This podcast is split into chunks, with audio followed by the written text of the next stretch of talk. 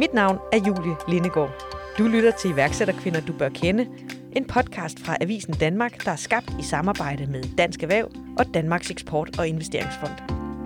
Jeg interviewer kvinder, der af Dansk Erhverv er udnævnt til at være de iværksætterkvinder, du bør kende.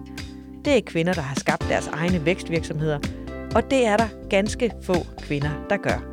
Kun hver fjerde iværksætter i Danmark er kvinde, og kun få procent af dem skaber vækstvirksomheder. Men hvordan gør de, der faktisk lykkes med det her? Hvad skal der til? Hvor bliver det svært? Og hvor opstod den gode idé? Det spørger jeg om i den her serie. Så skyndte mig ind og finde øh, og bestilte noget hjem, og havde altså, byttet mine bog, bøger på reolerne ud med vibrator og buttplugs, og jeg ved ikke hvad, og havde kasser under sengen, og sådan en stor bubble wrap i hjørnet, og ja, så jeg omdannede lidt min lejlighed til sådan et, et lille pakke, en pakkecentral. Det her er Melissa Hartelius. Hendes iværksætterhistorie skal du høre i det her afsnit. Melissa er direktør og skaber af Klub Venus. Hun er 27 år. Visionen er at skabe en uh, samtale om selvkærlighed og seksualitet. Hun startede i 2019 og har i dag fem medarbejdere.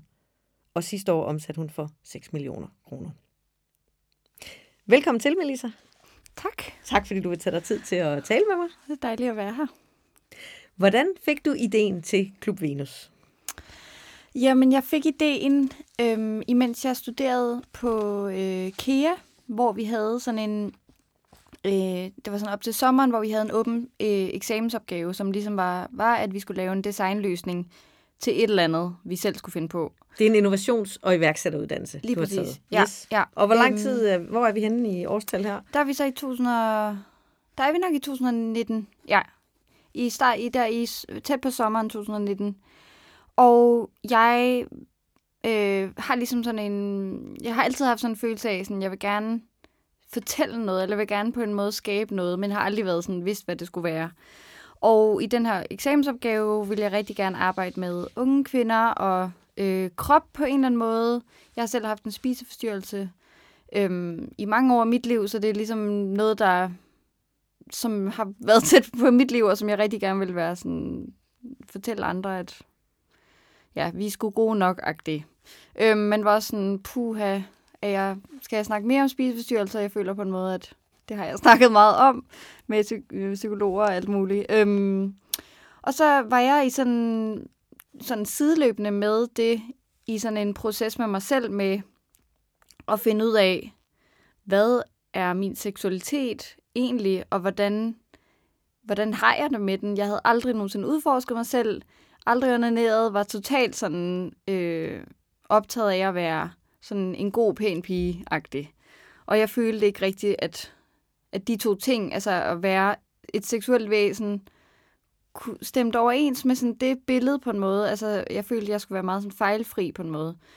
Så, så jeg var ligesom personligt også sådan et sted, hvor jeg var sådan, det var ved at gå op for mig, sådan, hvad foregår der egentlig? Det er jo helt vildt træls det her, og jeg, sådan, jeg, har ikke, jeg er ikke til stede i noget af det, den sex, jeg ligesom havde haft, øh, hverken med andre eller med mig selv, eller noget som helst. Øhm, så jeg var ligesom sådan, min hypotese til den her eksamensopgave var så ligesom, mm, altså, hvor, hvordan hænger sådan seksualitet og selvværd og selvkærlighed sammen, og hvordan kan man markedsføre en vibrator på en måde, som føles rigtig, eller som, som føles rar for en person, altså som en ung kvinde, som jeg var, hvor at jeg ikke følte mig sådan vildt tryg i, at det bare var sådan, du ved, det kunne føles sådan vildt for meget, og jeg var sådan, jeg ved ikke noget, men jeg føler, at jeg skal vide alt på forhånd, og you know the drill.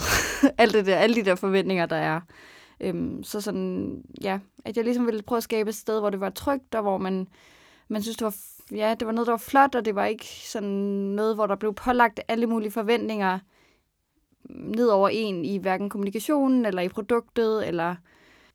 Det må have været svært for dig at vælge øh, et emne, som du heller ikke selv helt havde styr på. Ja, det var det. Det var det. Det var så grænseoverskridende. Altså, jeg havde det virkelig... Det var virkelig specielt, fordi at, at jeg, jeg netop ikke hverken vidste noget, var tryg i at tale om det, men nogen havde aldrig talt med nogen om det før. Ikke mine venner eller, eller noget, men min søster var meget sådan... Øhm, vi havde sådan åbnet en lille smule op for det, også i forbindelse med det der eksamensprojekt, så hun var meget sådan... Hun har lidt haft samme historie som mig, tror jeg, med at have været sådan vildt skamfuld, og sådan, men så gået totalt kontra på den. Så virkelig sådan, hun var bare, hver gang hun så mig, sådan, hej Melissa, har du ned siden sidst? Og jeg var bare sådan, nej, jeg ved det ikke. og sådan, men hun var virkelig sådan, altså, jeg gør sådan her, den, øh, har du den her, den skal du have, du kan låne min, og sådan alt muligt. Øhm, så virkelig var sådan, tog mig meget i hånden med det, tror jeg. Men det var grænseoverskridende, og jeg tror, at det, der gjorde, at jeg gjorde det, på trods af det, var bare, jeg følte, det var så vigtigt. Og jeg kunne mærke sådan, jeg kunne mærke sådan, fuck, hvad foregår der? Jeg synes, det er svært, og sådan, jeg gider ikke, at, jeg er træt af at have det sådan her. Og jeg er træt af, at andre har det sådan her. Så jeg bider i det sure æble, og så håber jeg på, at det bliver bedre. Og hvordan blev det taget imod blandt dine øh, klassekammerater, da du sagde, at jeg vil gerne øh, lave et øh, eksamensprojekt om, øh, om det her produkt, og om hvordan vi kan skabe et godt rum for kvinder? Jamen, øh, egentlig, egentlig godt. Altså sådan, især mine venner. Og, altså, altså, jeg tror, der er nogen, der bare var sådan, okay, og så bare sådan, ikke turde sådan snakke så meget mere med mig om det, fordi det, folk har jo selv vildt svært med det. Øhm, så egentlig sådan positivt, sådan bare folk var meget sådan, det er sejt, og så er det sådan det, agtigt. øhm, ja. Og hvad så? Så lavede du det her øh, projekt på skolen? Ja, så lavede jeg det eksamensprojekt der, og, øhm, og ligesom bare synes, det var vildt spændende, jo mere jeg kom ind i det, og mødtes med en seksolog, og fik nogle sådan lidt mere ekspertagtige indsigter, og ja, øhm, og også interviewet en masse sådan unge piger, og var sådan, hvordan de havde det, og jeg var sådan, er der sket noget, siden jeg gik i gymnasiet, og, sådan, og bare kunne høre, hvor fucked det stadig var og er. Så, øh, så efter, efter sommerferien, så var der så et valgfag på, øh, på KEA, der hvor at man kunne øh, sådan ligesom få et halvt år til at starte noget op, og så havde man en mentor, og så kørte man ligesom bare. Og så var det så, det var der, hvor jeg mødte David, som nu er, han var lærer på skolen, og han er nu også øh, involveret i Klub Venus. Øhm, og var sådan, jeg vil gerne være med på det her valgfag, jeg vil gerne lave det her projekt med at øh, lave en vibrator, tror jeg det var. Og han var sådan, det lyder spændende, og det, du er velkommen, Magdi. Og så, øh, så havde jeg så et halvt år der til at prøve at finde ud af, hvad skal det være, hvad skal det hedde, og hvad skal det kunne, og skal det være et forum, eller skal det også være en butik, eller, altså jeg var meget i tvivl om det hele der. Men det var sådan, der jeg begyndte at, at ligesom at bygge, bygge det op, og åbne en Instagram-konto, og begyndte at skrive sådan nogle meget personlige anekdoter derinde, og synes, som også var fucking grænseoverskridende, men, men ja, gjorde det alligevel. Øhm, og, og blev mere og mere modig, som du så, ja. at folk ligesom responderede på det. Er det ja, det, der sker? altså der var ja. egentlig ikke så meget respons der i starten. Men, øh, men ja, sådan, og, ja, jeg, jeg kunne bare virkelig mærke, at jeg synes, det var vigtigt, altså. Og, øh, og sådan lige så stille begyndte der at komme noget, sådan noget respons. Jeg kan huske, der var en, en ung pige på 15, som sådan sendte en besked til Klub Venus' Instagram, og var sådan, Hvor, hvorfor har du egentlig startet det? Og jeg var sådan, det har jeg gjort, fordi jeg har haft det sådan her, bla bla bla. Og så var hun sådan, åh, oh, okay, det er, virkelig, det er virkelig sådan, jeg føler meget med, og jeg synes, det er rigtig dejligt, og sådan, jeg har det vildt svært, jeg ved ikke, hvad vi skal snakke med det om. Og, og så et halvt år efter, så skrev hun til mig igen, og var sådan, jeg vil bare lige sige, at jeg har, øh, jeg har taget mig mod til at spørge min mor, om jeg må få en vibrator, og det har hun sagt ja til. Og sådan, det ved jeg var virkelig sådan, ej, hvor er det fucking sejt, og sådan, hvor er det dejligt at kunne være mm, med i og hjælpe folk til det her. Altså, øhm, så, så du ved, der var sådan en respons, men folk var stadig sådan, det var en, det var en tid, hvor der stadig var, altså, altså mere end der i hvert fald nu, øh, sådan, at det ikke blev talesat. Ja, og så udviklede du jo produkter, Jamen, så startede det faktisk med, at jeg, øhm, at jeg ligesom der, i, mens jeg gik på valgfaget, var sådan, ej, men hvis, det skal, hvis jeg skal kunne leve af det på et tidspunkt, så skal der jo være på en, et eller andet kommersielt ben. Øhm, så jeg var sådan, det, og det er fedt, og jeg elsker vibrator. Altså, jeg har haft den sygeste sådan, åbenbaring med, med, det, med de produkter, så jeg var sådan, det er faktisk, det vil jeg gerne ligesom også give videre, udover at starte den her samtale. Så jeg startede egentlig bare med at finde billeder af de produkter, jeg synes var, var nice, og som passede ind i universet, som var smukke. Og, og så øh, lagde jeg dem op på en hjemmeside. Jeg havde ikke noget på lager. Øhm, og øh, var så sådan, åbnede hjemmesiden, og så skete der ikke en skid. Øhm, ja, der var ikke nogen, der kom og købte noget. ja. Og hvad gjorde du så? Jamen, så, øhm, så gik jeg så i praktik af en virksomhed, som også var noget, jeg kunne der på skolen. Øhm, og var netop sådan, nå, okay, nu har jeg en hjemmeside, jeg har nogle produkter, i hvert fald jeg har billeder af nogle produkter, øh, jeg prøver at bygge det her Instagram noget, og var sådan, okay, der skal, jeg har jo brug for, at der er nogen, der ligesom laver noget markedsføring for mig. Så jeg rækte ud til en podcast som jeg selv var stor fan af, og øh, skrev til dem og var sådan, jeg har startet det her projekt, fordi XZY vil I lave et samarbejde med mig. Og de skrev, det er mega fedt, og det vil vi rigtig gerne, men det koster 25.000. Og jeg var sådan helt, øh, du ved, student, eller hvad hedder studerende, og ikke har nogen penge, og sådan, ja, okay. øhm, så det var ligesom første gang, jeg skulle lave sådan en ægte investering i firmaet. Øhm, så, så besluttede så sådan efter at have tænkt længe over det, at ej, okay, jeg, brug, jeg, jeg, jeg prøver sgu, nu bruger jeg de her, min egen opsparing på det, og så øh, håber jeg, at det sætter gang i salget. Øhm, og så lavede de et virkelig nice, øh, nogle rigtig nice øh, øh, ting i forbindelse med vores samarbejde, og så var det faktisk der, det, det satte totalt gang i salget for os. Øhm, og så, øh, ja, så var jeg jo sådan, fuck, jeg har jo ikke nogen produkter. Så, øh, så skyndte mig ind og finde øh, og bestilte noget hjem, og havde altså, byttet mine bog, bøger på reolerne ud med vibrator og buttplugs, og jeg ved ikke hvad, og havde kasser under sengen, og sådan en stor bubble wrap i hjørnet, og ja, så jeg omdannede lidt min lejlighed til sådan et, et lille pakke, en pakkecentral. Og det var produkter, du havde fundet, som du tænkte, de her, de fungerer? Ja. Dem køber nogle flere hjem af, og så sælger jeg dem? Ja, fordi videre. så havde jeg havde jo bare billeder af dem på hjemmesiden, så folk kunne godt gå ind og bestille dem, men jeg havde ikke nogen. Så jeg, det var først, når folk bestilte, så var jeg sådan, hov, nu skal jeg jo bestille noget hjem. Øhm, som bare var sådan en totalt kaotisk, fordi jeg var sådan, jeg ved ingenting. Jeg havde heller ikke noget fragtsystem, så jeg cyklede rundt med pakkerne i København, og, og jeg var sådan meget, det var meget hjemme, hjemmegjort-agtigt.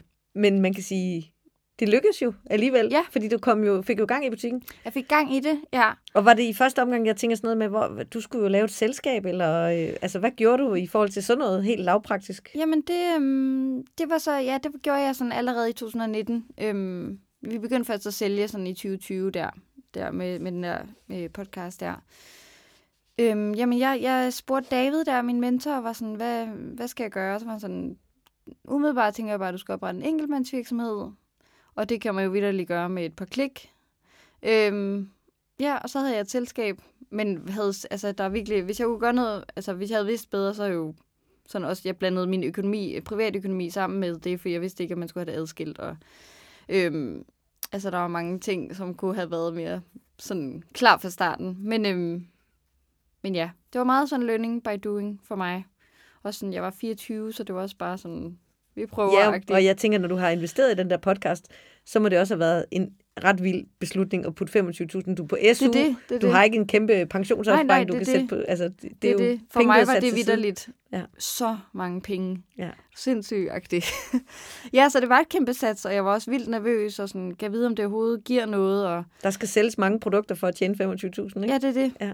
Men, øhm, men det, det kom sgu ind sådan forholdsvis hurtigt, og sådan de næste fire måneder, tror jeg, vi havde sådan et godt salg, og øh, så kom corona jo oveni, og sådan, som både var godt, tror jeg, for os, men også sådan, jeg havde jo ikke, vi havde ikke sådan motoren klar, eller sådan, vi havde ikke vildt mange aktiviteter andet end vores Instagram. Og når du siger vi, så ja, er det nej, dig. så mener jeg mig. Ja, ja, ja. ja, ja. Det er fordi, I er et vi i dag, men det kommer vi til. ja, ja. Ja. Men ja, mig. Men, så der i starten af 2020, der var det, at du begyndte at have hele din lejlighed fyldt op med produkter, og Ja. køre rundt med dem og sende dem med posten, og fikse Ja. det selv, og, sende, og lære at sende en faktura, og, eller de betalte i webshoppen. Ja, og, ja, ja, ja, præcis. Jeg fandt ud af, at mit webshop setup var helt, helt helt i vejret, og måtte skifte sådan på et tidspunkt, og fandt en mega dårlig person, eller ikke en dårlig person, men en, der ikke var særlig seriøs om det, så hjemmesiden var lukket ned i flere dage, og ja, det var noget, det var meget Meget, hå- meget håndholdt. Det var ekstremt håndholdt, ja. Ja. Og bare sådan, ja, jeg tror sådan hele det år der, eller nærmest indtil i dag jo, altså det er vidderligt, fordi jeg ikke har nogen erfaring med noget, altså sådan, jeg har jo aldrig arbejdet i en anden e-commerce virksomhed eller noget, så det er bare, hvad er SEO? okay, det prøver jeg at finde ud af. Det, det er nok noget, vi skal, hvordan gør man det, og hvordan forhandler man, og altså alt har været, alt har været nyt for mig. Ja, og nu sidder vi her i øh, 2023, Ja. og øh, du har øh, omsat for 6 millioner sidste år. Mm-hmm. Hvordan øh, kom du derhen? Jamen, øhm, altså vi voksede jo sådan noget, vi vækstede med 100% tror jeg, sådan de to der første år. Og, øh, og øh, i 2021 har det så været, at jeg ja, jo stadig drev det alene. Jeg havde en til at hjælpe mig en lille smule med at lave noget content øh, på Instagram, og ja, prøvede stadig bare sådan ligesom at få gang i julene og få vækstet vores Instagram. Og så øh, blev jeg kontaktet af, af dem øh, fra Løvens Hule. Ja, fordi du var jo gået ud af, øh, altså du var færdig med din uddannelse Ja, og ja. startede selv og ligesom besluttede, Ja, jeg skal brugte prøve, om bare- jeg kan leve det her. Ja, så jeg brugte bare min opsparing. Jeg, jeg træk slet ikke løn ud til mig selv. Øhm, så jeg brugte bare min opsparing og et kæmpe SU-lån på at, ligesom at kunne, kunne leve, mens jeg drev, drev firmaet. Ja. Øhm, ja, og bliver så tilbudt at være med i Løvens Hule, og, øh, og tænker, ja, hvorfor ikke agtigt? Det, det kunne sgu da være meget fedt at prøve. Og øh, det optager vi så i august 2021. Havde du nogle overvejelser inden om, kan man stå inde i fjernsynet og tale om øh, sex, legetøj og onani og selvkærlighed? Ja, jeg tænkte sådan, jeg så alle programmer, og der var en, der havde været inde før og snakket om noget sexlegetøj, men det var sådan lidt en anden. Jeg ved ikke, at jeg tænkte sådan, det fandt mig også på tide på en måde. Altså jeg tror, at jeg, og jeg, på det tidspunkt var jeg også sådan forholdsvis, altså blevet ret komfortabel i selv at tale om det, fordi jeg havde tvunget mig selv til at gøre det så meget med PR og øh, i artikler og sådan nogle ting. Øhm, så, øh, så ja, og jeg tænkte, det skulle da meget, det skulle på tide, at det kommer med til det lille danske, til den danske befolkning. Det. Og også bare fordi jeg ved jo, at, at sådan, jeg ved, at min historie er noget, der, der vækker genklang hos rigtig mange mennesker. Øh, og jeg tror også sådan, efterhånden, at jeg har lært, at sådan, altså også inden jeg var med i Løvens Hule, at, at når der er nogen, der skriver noget om det, om min historie, at der, at der altid er nogen, der, der har, altså kan slet ikke snuppe det, agtigt. Men altså, det kan jeg ikke det, kan, det prøver jeg bare ligesom vente blindøje til, fordi det får jeg ikke noget af at læse alligevel. Og jeg ved, at det betyder noget for de 90 procent andre. Og så sagde du ja til at være med, da du blev spurgt. Ja. Og så, hvordan var det? Hvad skete der?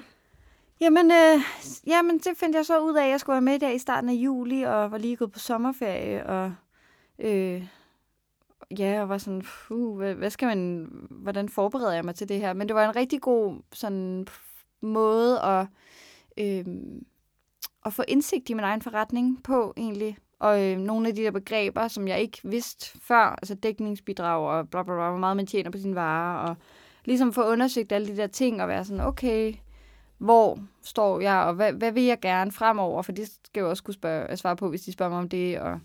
Så det var sådan en rigtig god læringsproces egentlig i at, i at forstå sit eget selskab bedre.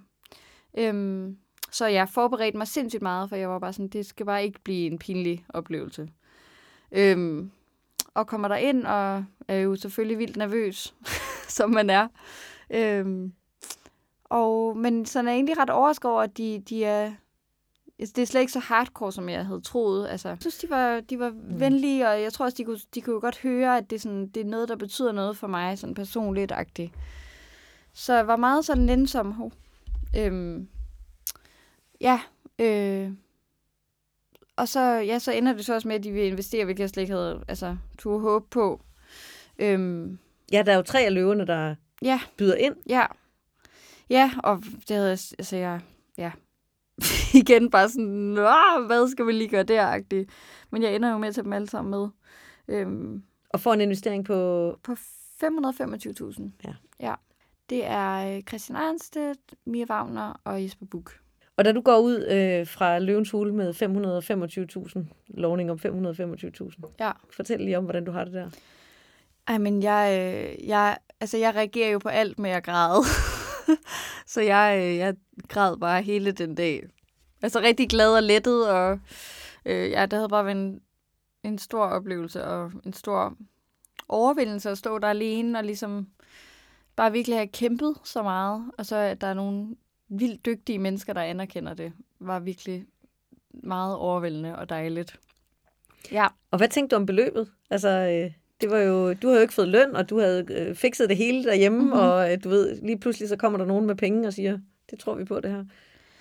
Ja, jamen sådan helt, altså ja, igen og sådan, wow, det er mange penge, og, og, og hvordan, ja, men det var bare dejligt, altså, og, og fordi at det, jeg har jo selv troet på det, altid, at det er sådan, det, er- det er altså en reel ting, og det er ikke bare sjovt og hø hø. Øhm, så det følte jeg egentlig var på sin plads.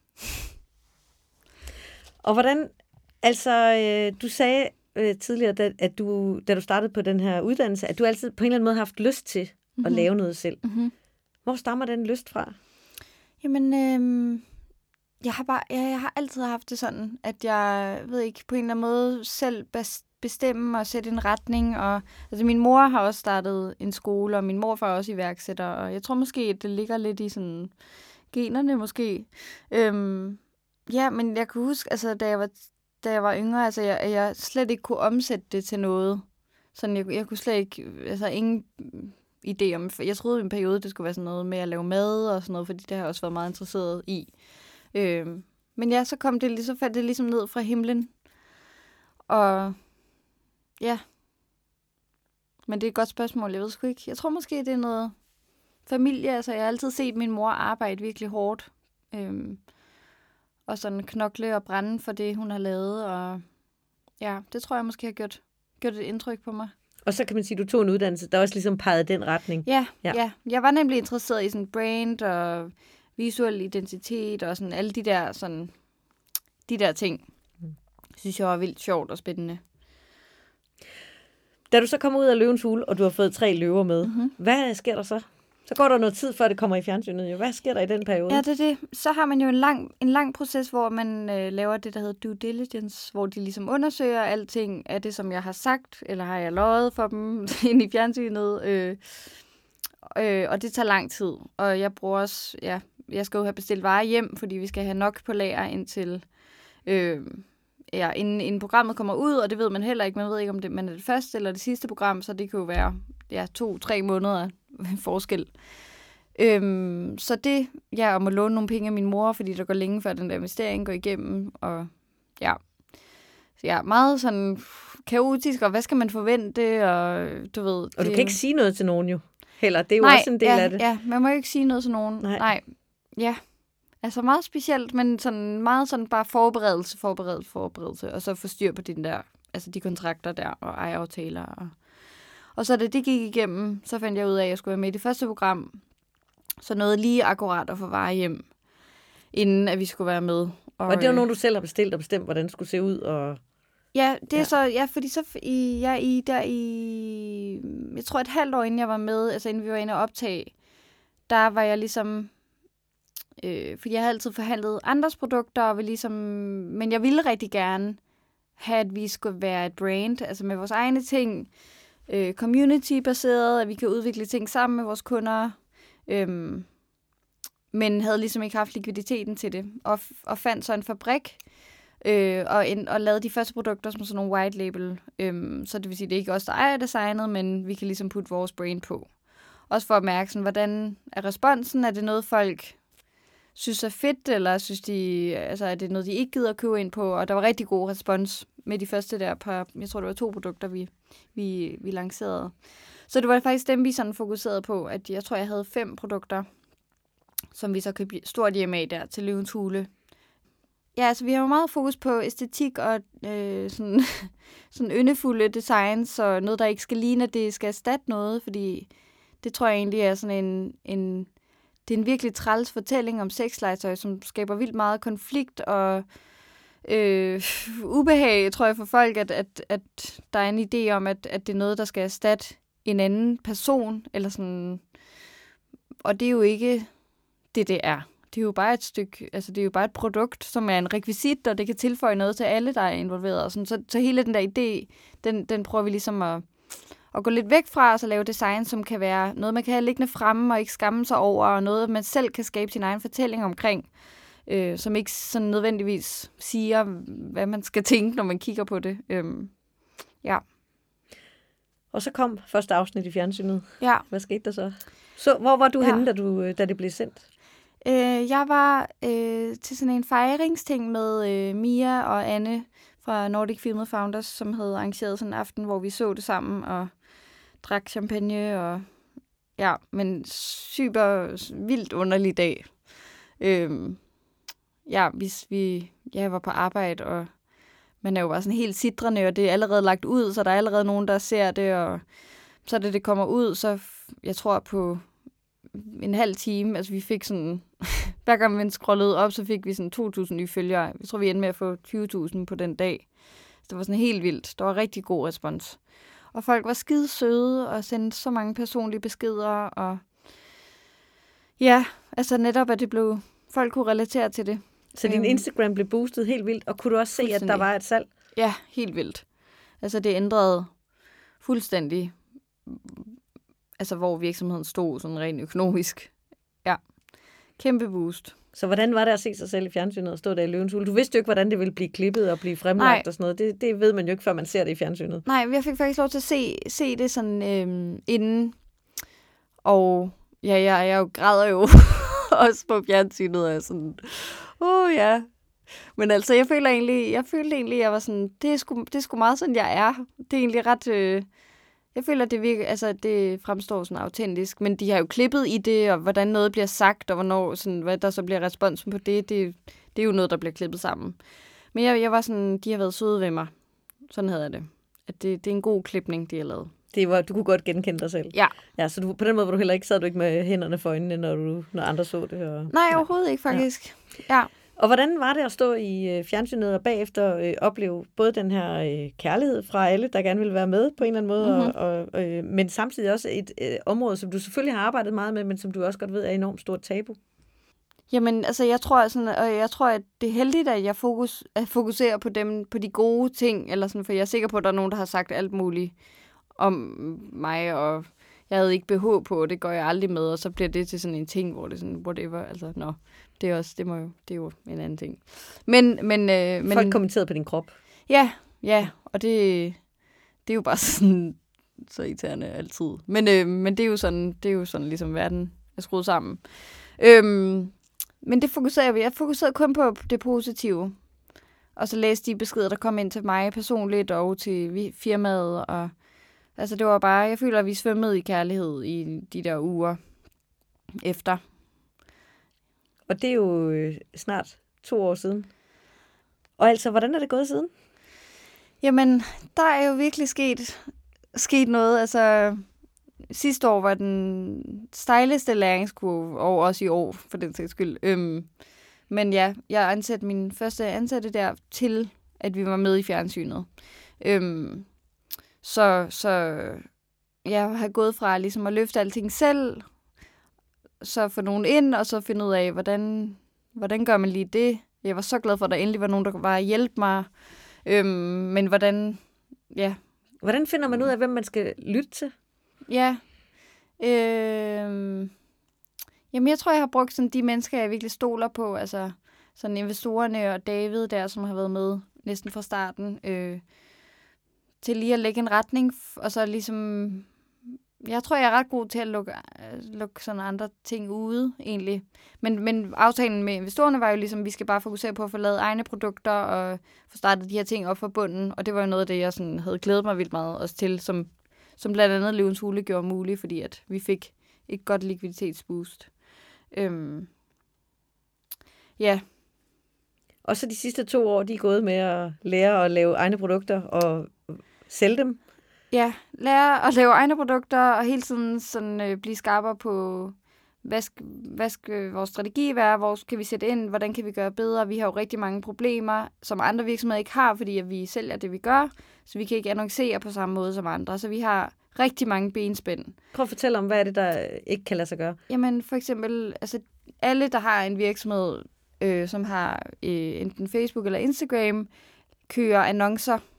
Så det vil sige, at man laver sponsorerede opslag, som bliver eksponeret for en målgruppe, man ligesom selv kan sætte. Så det kan være folk, der for eksempel har besøgt ens hjemmeside, eller kvinder i alderen 18-35, eller whatever. Øhm, og det har vi aldrig kunne bruge, kunne, kunne gøre brug af, fordi at Instagram kan se, hov, her er en side med øh, seksuelt grænseoverskridende indhold, det synes de, at det er, så, så de må ikke annoncere, fordi det er stødende. Så, så vi har ligesom, og det har, jeg tror også, det er det, der har til dels har gjort, at vi har haft i hvert fald de første par år en, sådan en roligere vækst, også fordi jeg har været totalt grøn jo, men, men, øh, men vi har ikke de samme redskaber, så alt er bygget op organisk. Man kan, altså... Ikke, man kan simpelthen ikke reklamere for sexlegetøj på Nej. sociale medier. så er der sådan nogle måder at komme udenom det på, men det er, det er vildt svært, og, og det bliver hele tiden, så bliver det lukket ned, og så skal man prøve noget nyt, og det er, det er rigtig svært. Så du lever egentlig med en risiko for også, at din Instagram bliver lukket ned? Ja, ja, det gør vi jo egentlig. Altså, jeg føler egentlig, at de er blevet lidt sådan mildere. Vi havde rigtig mange sådan shadowbans, hvor man bliver ens konto ligesom bliver sådan lidt blacklistet, så folk ikke kan finde en, og ens indhold ikke bliver eksponeret for folk. Og ja, sådan nogle ting, som når jeg snakker med andre, der er virksomheder, hvor jeg, sådan, de siger så mange ord, som jeg slet ikke forstår, fordi vi har altid bare fokuseret på det organiske. Sådan, hvordan kan vi vækste vores community ja. og vores... Øh, vi har lavet SEO rigtig meget, eller e-mail, og de der ting, som vi ved, sådan, det er stabilt, og det er øh, os, der ejer det på en måde.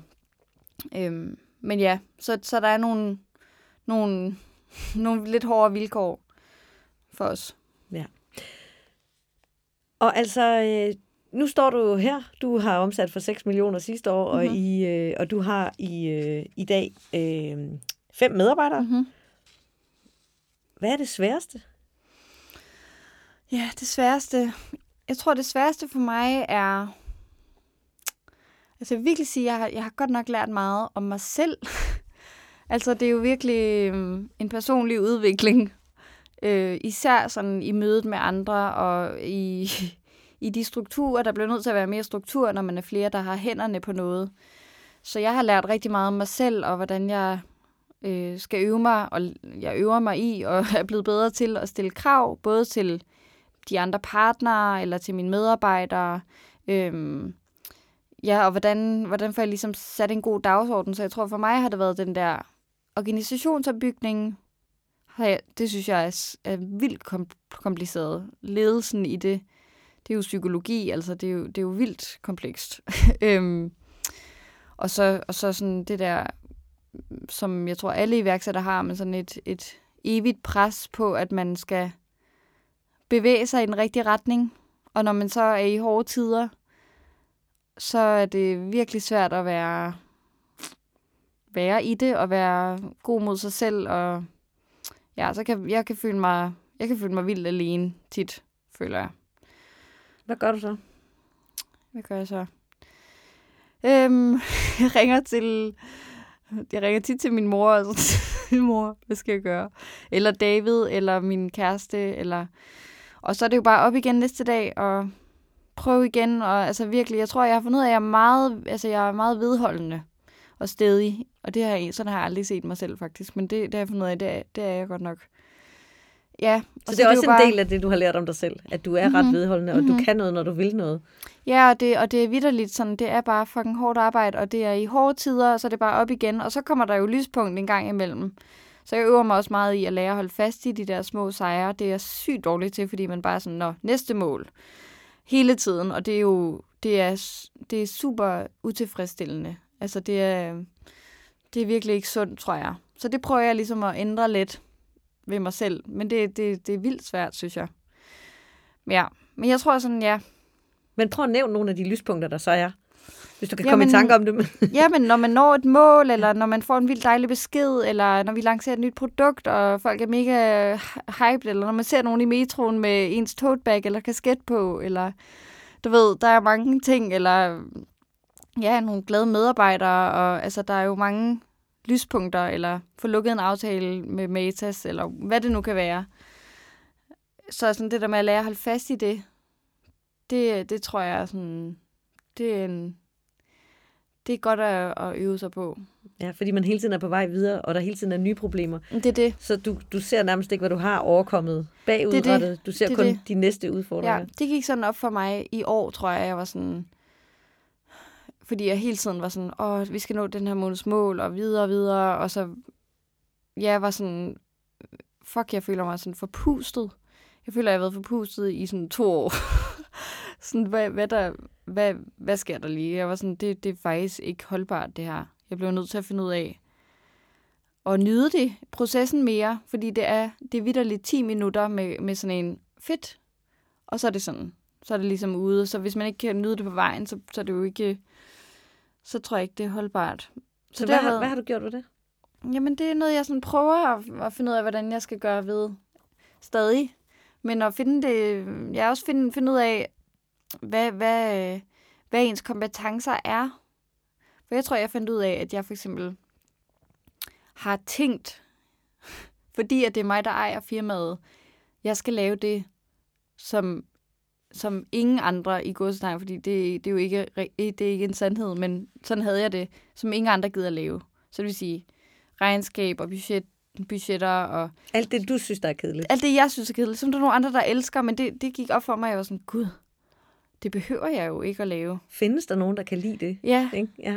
Ja, hvor jeg sådan, nå, har jeg gjort det? For jeg er sådan lidt ansat folk til de ting, som jeg tænkte, ej, det er sjovt, det, det er fedt for dig, agtigt. Gør det, i stedet for at være sådan, hvad driver mig, og hvordan gør jeg det her til en god rejse? Og sådan, hvordan får jeg afladet mig de steder, hvor jeg faktisk kæmper? Så det har været en, en kæmpe åbenbaring. Man, behøver, man kan faktisk ansætte folk til at lave det, man selv synes er kedeligt. Ja, og, og så, man kan og finde de nogen, kan der kan lide det. det. Sygt godt. Ja, ja, og de kan bare få det, du ved, det vil give mig, den ro, det vil give mig, den er jo alle de penge værd, altså. Så, så sådan lige, mm, det har virkelig taget mig lang tid at lige finde ud af, sådan, hvad, hvad, hvad er det egentlig, jeg synes er sjovt, og hvad er det, ja, og hvad, hvor, hvor er det også, det gavner virksomheden bedst, og sådan, hvad... Og hvad synes du, der er det sjoveste? Jamen, jeg, jeg synes helt sikkert brandopbygningen, og øh, ja, få det hele til ligesom at spille sammen og lave sjove kampagner, og produktudvikling synes jeg er sjov. Øhm, så hele kommunikation, branddelen, er helt sikkert det, jeg, jeg synes er sjovt. Det, jeg startede med, det var grunden til, at jeg startede det, fordi jeg synes, det var sjovt. Øhm, men i dag er det jo sådan en lille del af det, jeg laver, så det prøver jeg ligesom at lave om på. Så jeg kan fokusere mere på de ting. Og man kan sige, at du startede jo op, øh, mens du var på SU, mm-hmm. og øh, brugte en stor del af din spare mm-hmm. opsparing på mm-hmm. at købe det her podcast-univers, øh, så du mm-hmm. ligesom kunne få noget synlighed. Og så startede du og levede af din opsparing, og fik ikke nogen løn i starten. Nej. Hvordan går det i dag? Jamen, jeg får løn, og fik, jeg fik løn fra den måned, hvor vi var med i Løvens Hule. Ja. Øhm, og har fået løn lige siden, og det er jo rigtig dejligt. det er en stor milepæl. Ja. Øhm, ja, ja, ja. Og hvorfor er det det hele værd? Man kan sige, du kunne jo også bare have søgt dig et rigtig spændende job i en øh, hmm. netbaseret virksomhed, der kunne nogle af mm-hmm. de samme ting. Ja, jamen jeg tror, jeg tror virkelig sådan, jeg føler, at altså for mig, jeg har virkelig sådan en skabertrang, og jeg er vildt utålmodig. Altså jeg vil gerne have ting sker. Jeg har, et, jeg har sådan faktisk, og det er igen noget, jeg ikke sådan ser vidderligt ikke mig selv, det er så underligt. Men jeg, jeg har nok sådan brug for, at der sker noget. Jeg kan godt lide egentlig at være den, der sætter retningen. Jeg er god til at løbe med bolden. Øh, så jeg tror måske, jeg vil blive sådan lidt utålmodig i et... Øh, hvis jeg ikke lavede det, så, og så kan jeg jo mærke, og det er jo det, der sådan virkelig gør mig glad, når der kommer folk over og sådan, ej, jeg har det sådan her, og det betyder rigtig meget for mig, det I laver. Og altså, det er jo virkelig det, det det, der altid har drevet mig, tror jeg, de der forbindelser altså, mellem mennesker. Sådan, det mere, synes jeg... Mere end pengene? Ja, altså vi har jo aldrig været en særlig, altså en, øh, en profit øh, og en altså sådan fokuseret virksomhed. Og hvordan er det blevet, efter du har fået tre løver med? De, de er jo, lægger jo ikke skjul på, at mm-hmm. det også handler om bundlinje. Ja, men det gør det, men jeg tror også, det er sådan, det, det ændrer sig jo også i, altså da jeg var, da jeg ikke levede af det, og vi ligesom Øhm, altså lige så snart man får ansatte, og man selv skal have løn, og der er mm, flere og flere forpligtelser, så er økonomien jo, det er jo et vilkår. Vi skal jo nå vores mål, vi skal jo vækste, for at vi kan komme ud til flere. Altså det hænger jo sammen med budskabet. Så, så det er sådan, for mig er det mere et vilkår, end det, det jeg synes er vildt spændende. Øhm, men selvfølgelig er det fedt, at vi, vi, vi vækster, og vi kan få flere med på holdet, og vi kan gøre flere ting, og alle de, alle de sjove ting, vi gerne vil lave. Og du ved, vi mangler ikke idéer. Øhm, ja. Og hvor, øh, nu siger du, I, I vil gerne have flere med på, på rejsen. Hvor mm. er I mhm. på vej hen? Hvad er det næste, der skal ske for Klub Venus? Jamen, øhm, det næste, der skal ske, er, at jeg forhåbentlig finder en, der, der kan komme ind og hjælpe mig med nogle af de der ting, som vi lige har snakket om med øh, hele drift, driftdelen. Og så øh, blive endnu mere etableret på det danske marked, udvikle flere produkter i samarbejde med vores community, og så øh, på sigt øh, komme mere ud over landets grænser. Ja, og hvor, hvor lang sigt er det? Jamen, vi er faktisk så småt i gang øh, med det tyske marked. Ja, så det er rigtig spændende. Og hvordan finder man ud af, at det lige skal være det tyske marked? Har du en forkærlighed for tysk, eller? Nej, det har jeg faktisk vidderligt ikke. Jamen, det er sådan, jeg har lavet noget markedsanalyse, og hvor er der efterspørgsel, og hvad snakker vi om i de her um, forskellige markeder, og der er jo vildt, men det er, det er svært. Øh, især igen for os, fordi vi kan ikke lige køre sådan nogle, eller det er i hvert fald svært for os at køre sådan nogle test med annoncering, fordi at vi, det kan vi jo ikke, så det alt, alt bliver ligesom bygget meget langsomt op. Øhm, ja. Men øhm, vi prøver og ser, hvad der sker. Og du øver dig på tysk? Øh, jeg øver mig ikke på tysk. Vi, vi har en til at sidde og, og skrive tysk. jeg tror aldrig, jeg kommer til at lære det. Så det kan man godt, selvom at man ikke er rigtig god på, øh, på tysk. Ja. Du lytter til iværksætterkvinder, du bør kende. Hvor er du henne om fem år? Øj, om fem år. Øj, det er et godt spørgsmål. Jeg tænker aldrig så langt frem. Øhm, om fem år, der håber jeg, at vi er på måske fem markeder i Europa. Og vokser og har, har kun egne produkter. Og Øh, jeg bliver ved med at have den der connection, tror jeg, med, med de folk, vi, vi laver noget til. Og måske at vi er du ved, et, et koncept, som udover at have salg af produkter, vi også har workshops og podcast og webinarer, altså gør det lidt mere til sådan en, sådan en 360 graders øh, ting. Altså kunne, kunne tilbyde flere rum, tror jeg, til folk, der, der gerne vil snakke om det, og som synes, det er svært. Og, ja, Primært kvinder, så, eller er det også for mænd? Jamen altså, vi, vi, vi arbejder ikke så meget med køn egentlig. Altså, vi er jo meget, vi bruger slet ikke sådan de udtryk så meget i vores, i vores kommunikation. Fordi at jeg egentlig ikke tænker, at det er, det er ikke så vigtigt. Øhm, men ja, vi vil rigtig gerne lave flere ting til, til mænd også. Men lige nu fokuserer vi der, hvor vi synes, problemet er størst. Og det er hos kvinder og kønsminoriteter. Sådan som vi ser det i hvert fald. Er der noget, du har savnet i de her år, du har været i gang? Ja, altså jeg vil sige, fuck, det ville have været fedt nogle gange at have en co-founder. Og have nogen, man lige kan være sådan, puha, i dag synes jeg altså, det er hårdt. Det, det... Men jeg tror også, altså sådan for mig, jeg, jeg havde ikke været klar til det på det tidspunkt i mit liv, tror jeg. Øhm, men men det, det tror jeg er en, en gigantisk gave at have. Men så skulle du også have afgivet nogle af beslutningerne jo, eller i hvert fald været enig. Ja, jamen det er det. Det er også, og det er sådan... Altså, jeg, jeg var også virkelig ung, da jeg startede Klub Venus, og sådan, der er sket rigtig meget med mig over de sidste tre år, sådan personligt, og, og vide, hvad... Altså, man skal jo også kende sig selv lidt, og sådan vide, hvad, hvor, hvor vil jeg gå på kompromis, og hvor vil jeg ikke, og hvem supplerer mig godt. Øhm, det er jo altså en stor beslutning at have en, en medejer, men, men jeg tror, at hvis man finder et godt match, øh, så tror jeg virkelig, at det, at det er godt givet ud. Er der noget, du har fortrudt? det er et godt spørgsmål. Eller er der noget, du ville have gjort anderledes? Ja, altså jeg vil men så igen, jeg, jeg tror ikke rigtig, jeg kunne have gjort det anderledes. Så, så sådan, der er jo helt sikkert nogle ting, der kunne have været mere sådan tjekket fra starten. Jo, ja, hvis jeg ville gøre noget anderledes, så ville jeg spørge mere om hjælp. Jeg vil, jeg vil øh, prøve at øh, tidligere have prøvet at give slip på sådan min idé om, at jeg skal kunne klare alting selv. Det er sådan min grundindstilling til livet, tror jeg, at jeg klarer ting selv. Og øh, det, det, folk vil vildt gerne hjælpe en. Så det... Hvad vil du have spurgt om hjælp til? Til alt.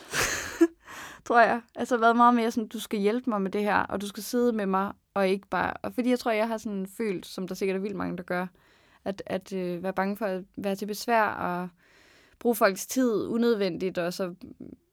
Men, men folk vil gerne hjælpe, og jeg tror sådan, det...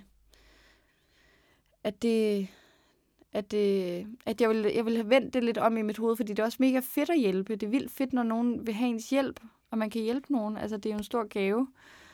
Øhm, så det vil jeg gøre.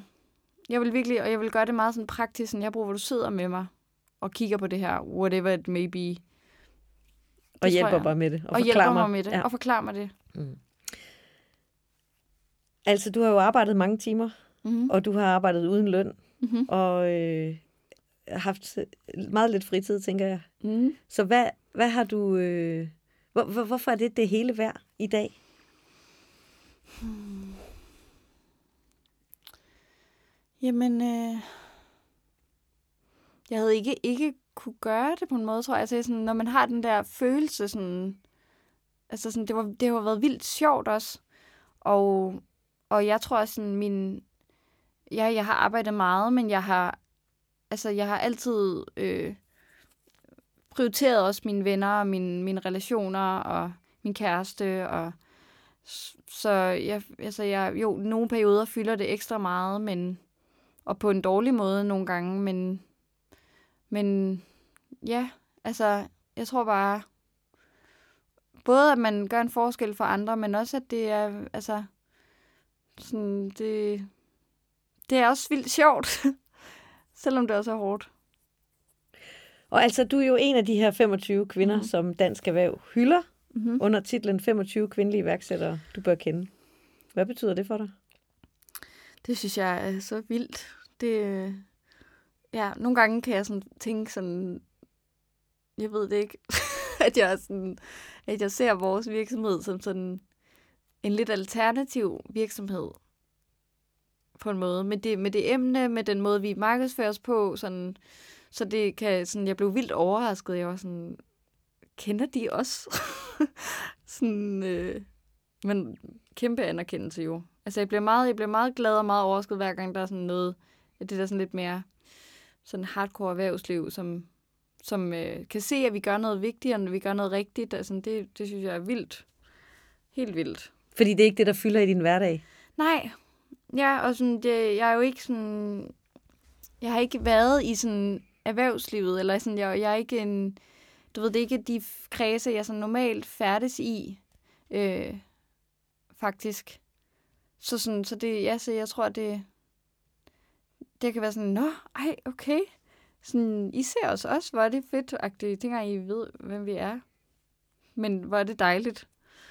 Og du var jo meget ung, da du startede Klub mm-hmm. Venus, og er stadigvæk mm-hmm. 27, så mm-hmm. du er jo sådan set stadigvæk meget ung mhm. iværksætter, mm-hmm. og nu hyldet som sådan en succesfuld mm-hmm. rollemodel. Hvordan har du det? Altså dine venner, de laver nogle alle mulige andre ting. Mm-hmm. Hvordan, øh, hvor finder du nogen at spejle dig i? Jamen, øhm, øh, jamen rigtig meget faktisk igennem øh, øh, de investorer, jeg nu engang har med, altså netværk, altså sådan andre, der er i samme situation. Det er så dejligt at snakke med andre om det, og som, som sidder i samme situation, og være sådan, hvad gør du med det her? Og, og er det lige meget, om de er unge eller ældre? Eller, ja, altså, ja, det er jo vidderligt. Det er jo de samme ting. Det er samme kon, sådan, ting, der ligesom konflikter og, og øh, overvejelser, man gør sig sådan i altså organisationsopbygning og alle de der ting. Det er jo rimelig sådan, ja, der er det lige meget, om man er 27 eller 55. Det er fuldstændig lige meget. Det er lige ja. meget, om man sælger altså buttplugs, eller om man sælger gardiner. Det er jo uh, the same thing. øhm, det, det er, det, og det er også noget af det, jeg sådan gerne vil dyrke mere, tror jeg. Fordi at hvis, især når man er en øh, altså, alene founder, øhm, så, så, så tror jeg, det er ekstra vigtigt, at man, man prøver at opsøge steder, hvor man kan spejle sig. Hvor går det... du hen for at finde nogen, du kan spejle dig i? Jamen, øhm, jeg føler heldigvis, at jeg har lært, øh, jeg har lært nogle gode mennesker at kende igennem, øh, igennem nogle af de investorer, jeg har med. Øh, Øh, og så er det jo bare at, at øh, spørge, skal vi gå en tur? Og hvis jeg har en, som vi går en tur, vi har aftalt, at vi skal gå en tur sådan hver anden uge og lige snakke om de ting, vi synes er svære. Fordi vi begge to synes, det er hårdt nogle gange. Så sådan det der med at, at have en co-founder uden at have en, men at prøve at skabe de samme sådan, de samme skuldre, man kan læne sig lidt op af i andre mennesker. Og altså, øh, nu hylder Dansk Erhverv jer især fordi I er kvindelige iværksættere, mm-hmm. dem er der ikke så mange af. Mm-hmm. Har du selv mærket, at øh, det med at være kvinde, det var en ting? Øhm, har jeg mærket det? Altså, det er jo svært at sige, når man ikke har prøvet at være en mand. men, øhm, men jo, altså, jeg føler helt sikkert, at, at altså sådan, øh, at folk har, har nogle sådan, altså sådan lidt, når du også bare en lille pige, der prøver at lave noget derovre. Sådan, du ved, eller sådan at have, have sådan en lidt en, have sådan lidt en skeptisk tilgang til, at man, at man laver noget, der, der, der kan blive til noget. Altså sådan en, ja, sådan lidt sådan en, nå, det er jo bare sådan en hygge, lille hyggeklub-agtig. Altså hvor jeg er sådan, hvad mener du? -agtig? Altså hvis det ikke er, især, jeg tror især fordi vores er sådan community-borget, og sådan budskabsborget, og så, så er der nogen, der er sådan meget sådan, så, så kan man ikke samtidig være en god virksomhed, eller sådan tjene gode penge, og den der skeptisk har jeg mødt rigtig meget. Ja. Og det, det er pisse der, synes jeg. Hvad gør du ved det, når du møder det? Jeg bliver lidt sur indvendigt, tror jeg. Øhm, ja. Ja, og så, men så, som sagt, så, så jeg prøver at omgive mig med mennesker, der giver mig god energi, og som kan se, det, kan se hvad det er, vi laver, og øh, som sætter pris på det, øh, frem for at lytte til folk, der, der ikke kan se fidusen i det. Og nu, nu løftede du selv lidt sløret for det, mm-hmm. øh, da du stod der i fjernsynet, mm-hmm. og folk kommenterer på din krop. Mm-hmm. Det gør de jo, fordi du er en ung mm-hmm. og meget, meget smuk mm-hmm. kvinde. Øh, men hvordan påvirker det dig, og hvordan håndterer du det?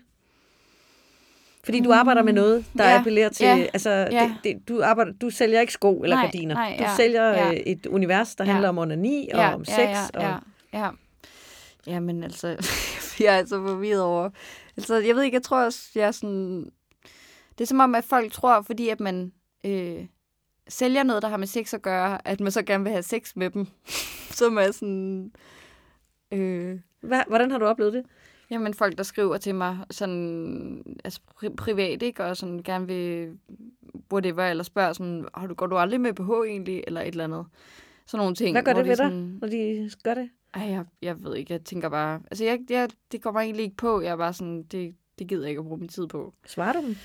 Nej, så blokerer jeg dem bare. Ja. Ja, altså. Og jeg tror sådan, det... Ja, Altså sådan, og igen, det, burde, det bør jo ikke være sådan, hvis der var en mand, der ikke havde en BH på, hvilket de jo aldrig har, men der var aldrig nogen, der havde kommenteret på det. Så jo, på den måde kan jeg jo især også mærke, at, sådan, at jeg er kvinde, og at jeg har noget... Øh, ja, folk ser mig på en bestemt måde, fordi jeg sælger det, jeg gør. Øh, men ja, jeg tror bare sådan, jeg tror vidderligt, hvis man begynder at fokusere på meget på det, så, så bliver det ikke sjovt at være i. Så jeg, jeg blokerer det, når det møder mig, forholder mig ikke til det, griner af det, når der kommer noget, fordi ja, det er jo næsten komisk. altså, øh, ja. Fordi jeg sidder og tænker, at det jo på en eller anden måde øh, også må provokere lidt. Mm. At prøv at høre, vi lever i 2023. Mm. Er vi virkelig ikke noget længere? Altså, ja. end at når man ser ja. en kvinde, der sælger noget, der handler om ja. sex, så må det være, fordi hun gerne vil noget. Mm-hmm. Eller, ja, men altså, det, er, det, er, det er, det er helt vildt, og det er, det er mega provokerende, men hele sådan, alt det, vi arbejder med, og sådan mange af de, sådan, også når jeg har været i, lavet noget andre tv-ting, og sådan noget, hvor, at jeg kan, hvor jeg kan jo høre, at, at sådan, jeg arbejder med det her hver dag, jeg arbejder med det hver dag i over tre år, så jeg er rigtig meget inde i det, og jeg forst- vi er ligesom ret langt fremme i sådan vores tankegang omkring det på kontoret, men når jeg så er ude og snakke med folk, så kan jeg jo godt høre sådan, når vi er her-agtigt. Og, og jeg tror sådan, altså lige det der med min krop, det gider jeg ikke at forholde mig til, men, men hele sådan snakken omkring sex, og sådan, jeg tror, at jeg har ligesom besluttet, at vi tager på os. Vi vil gerne være dem, der uddanner. Så dur det jo ikke, at vi ikke gider at, for, at snakke med dem, der ikke forstår det endnu. Eller som, som, som er, ved mindre folk kommer med sådan en vildt nederen attitude, men hvis de bare kommer sådan, jeg, jeg er vildt nysgerrig, jeg forstår det ikke, vil du fortælle mig mere? Så vil jeg aldrig sige nej. Det, det er ligesom den sådan, jeg føler lidt, det, det, er, det det, sådan, det, det promise, vi har lavet med Klub Venus. Altså, sådan, det kan ikke være for de få. Det skal være for dem, for alle. Og dem, altså, hvor skulle man også vide altså, nogle af de her ting fra, ikke? Altså lige det der med kroppen, det, må folk, det er jo vildt irriterende. Men altså, det er jo bare sådan der. Ja. Så det blokerer du bare, og så går du efter missionen, og den ja. der målgruppe, som du tænker, det er dem her, jeg er her for. Mm-hmm. Alle de andre, de må Jamen, de må, gerne, jamen, de må gerne være der. Nej, jeg tror, jeg har det aldrig... Jeg har det nemlig ikke sådan, at... Øh, altså, øh, at jeg har lyst til at ekskludere nogen. Altså, hvis folk kommer virkelig nederen, altså, og, og skælder os ud, eller whatever, så er man sådan, det, det er jo træls. Selvfølgelig er det det, når, fordi, det, fordi så folk ikke har sat sig ordentligt ind i det, eller et eller andet. Men der er jo rigtig mange, der skriver sådan, hej, jeg er en ung mand, eller jeg er ikke en ung eller whatever, hvad nu end folk er, og, sådan, og ikke har, der er jo ikke nogen, der har lært noget om de her ting. Altså de ting, vi arbejder med. Så, så jeg tror sådan, jeg tror bare ikke, det dur at være, øh, altså at være sådan, øh, ved du ikke det, det gider vi ikke at snakke om. Altså sådan, det, det er aldrig min, altså sådan, det kan jeg slet ikke, det kan jeg slet ikke, øh, ja, sådan vil jeg aldrig være, agtig. Altså jeg vil altid gerne forklare og snakke og øh, høre, hvor de står og hvilke problemer de har og øh, ja, altså det, det, ja, det, det, det skal ligesom være for, hvis samtalen ikke er for alle, så kommer vi aldrig til at ændre noget. Hvis det, hvis det er for de der 5%, som bor i København og som øh, er i de rigtige øh, grupper og sådan noget, så kommer vi ikke til at ændre noget for dem, der bor i øh, Torsinge eller et eller andet. Altså, de skal jo også være med. Og hvad vil du gerne ændre? Jamen, øh, forståelsen af sex og mm, krop, og hvad er nydelse, og hvem får nydelse, hvem får ikke nydelse, hvad kan vi gøre for, at alle får nydelse, øhm, hvad er sexlegetøj, og hvordan skal det se ud, og hvilke forventninger har vi til hinanden, og porno, og whatever. Alle de her emner, som jo er en del af, det er jo, det er jo et universelt ting, altså alle har jo et forhold til deres krop og seksualitet, på en eller anden måde. Øhm, så ja, det er sådan, det er sådan min kernemission. At ligesom at ændre noget, altså gøre, at, at det bliver federe at have sex, og ikke have sex, og være til stede i sin krop. Det er da i hvert fald en uh, mission, du er i gang med. Hvis du nu skal give mm-hmm. uh, tre gode råd til andre, der sidder og tænker, hun er mega sej, hende der. Jeg vil også gerne skabe, skabe min egen virksomhed. Hvad er det så, du vil sige til dem? Ja, jeg vil helt sikkert sige, jeg føler, at jeg møder mange, som, som øh, gerne vil starte noget, som, hvor man er sådan, åh, det skal lige være helt perfekt. Eller sådan, jeg skal lige, lige ret lidt mere til, og sådan noget, hvor et, i hvert fald måden, jeg har gjort det på, som jeg tror er rigtig, altså en god sådan tilgang, det er, hoppe ud i det. Det bliver aldrig perfekt. Øhm, man, man finder først ud af, hvad der virker og hvad der ikke virker, når man har noget respons fra, nogle, øh, fra, fra de kunder eller den målgruppe, man gerne vil ramme. Øh, man gerne vil ramme.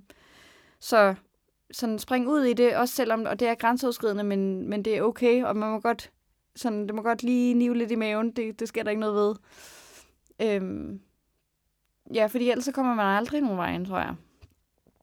Altså hvis det hele skal være perfekt. Altså Klub Venus har ændret sig 100 gange. Altså fra da jeg startede til i dag.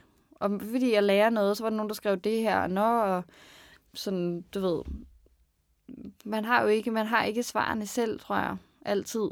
Så man er nødt til at gå ned ad stien for at finde ud af, hvad det er for nogle udfordringer, man ja, møder. Man kan ikke tænke sig til det. begynde at kommunikere på en eller anden måde øh, med dem, man gerne vil snakke med. Øh, altså med dem, man gerne vil ramme. Og så ja, det der med at huske at bede om hjælp. Altså det vil jeg i hvert fald, hvis jeg kunne sige noget til mig selv, da jeg for tre år siden, så ville jeg sige, spørg om hjælp. Det må man godt, og man er ikke til besvær, og folk synes, det er fedt og kunne hjælpe andre. Ja. Det var ja. to. Ja, og så måske det sidste er... Altså, jeg har i hvert fald... Måden, jeg har gjort det på, har jo været sådan meget... Sådan, jeg tror, det hedder lean startup. Så altså at starte så småt som muligt. Øhm, så kom hurtigt ud over, ud over øhm, stepperne, og så gør det så, så så billigt som muligt, så man ligesom kan få testet sine, sine idéer af, inden man går ud og binder vildt meget likviditet op. Så jeg føler, at sådan, det er i hvert fald med alle founders, jeg snakker om, at det er, at jeg snakker med, øhm, at ja, lige så snart man har et stort varelag og sådan noget, så, så er der nogle, ja, nogle penge øh, ting, som er kan være vildt hårdt at sidde i. Så, så bare start så nemt. Altså, jeg havde vidderlige billeder af produkterne. Jeg havde jo ikke noget. Det er jo helt på en måde helt væk, ikke? Øhm, men, øhm, men det kan man altså godt. det er jo gået godt. Ja. Så på den måde er det også et godt råd, at man kan starte småt, ja. og så kan det altid vokse. Ja, så tag det i, i sit eget tempo. Men og, og samtidig siger du også, at du er super utålmodig. Mm-hmm. Så på den måde er det jo også, øh, du starter småt, men vil jo også gerne noget mere. Mm-hmm. Hvordan ja. håndterer du det? Den der tålmodighed. Ja, altså jeg føler tit, at jeg er sådan, og så får jeg sat et eller andet i gang, hvor jeg er sådan, ej, hvis du måske lige jeg øver mig i at være sådan, det er en god idé, skriv den ned, tag den, når det kommer. Eller sådan, når der er, når der er plads til det. Jeg, jeg står tit meget stor brød op. Så, øhm, og så tror jeg, Men det er Ja. jo også en del af dit drive, og en del Ja. af din succes. det er det. Og, det, og det, jeg tror, det er også det, jeg prøver at holde fast i, og så finde ud af, hvordan kan jeg så få nogle af de andre ting, der automatisk følger med en virksomhed, øh, afsat til nogle andre, så jeg ligesom kan, kan have det sjovt med de der idéer og koncepter og udvikle forretningen. Øhm, Ja. Og fællesskabet. ja, og fællesskabet, lige præcis. Jeg glæder mig meget til at følge dig de næste Tak. år. Og tusind tak, fordi du ville øh, dele din øh, historie med os. Det var så lidt. Du er i sandhed en rollemodel. Tak. Du har lyttet til iværksætterkvinder, du bør kende. En podcast fra Avisen Danmark, skabt i samarbejde med Dansk Erhverv og Danmarks Eksport- og Investeringsfond.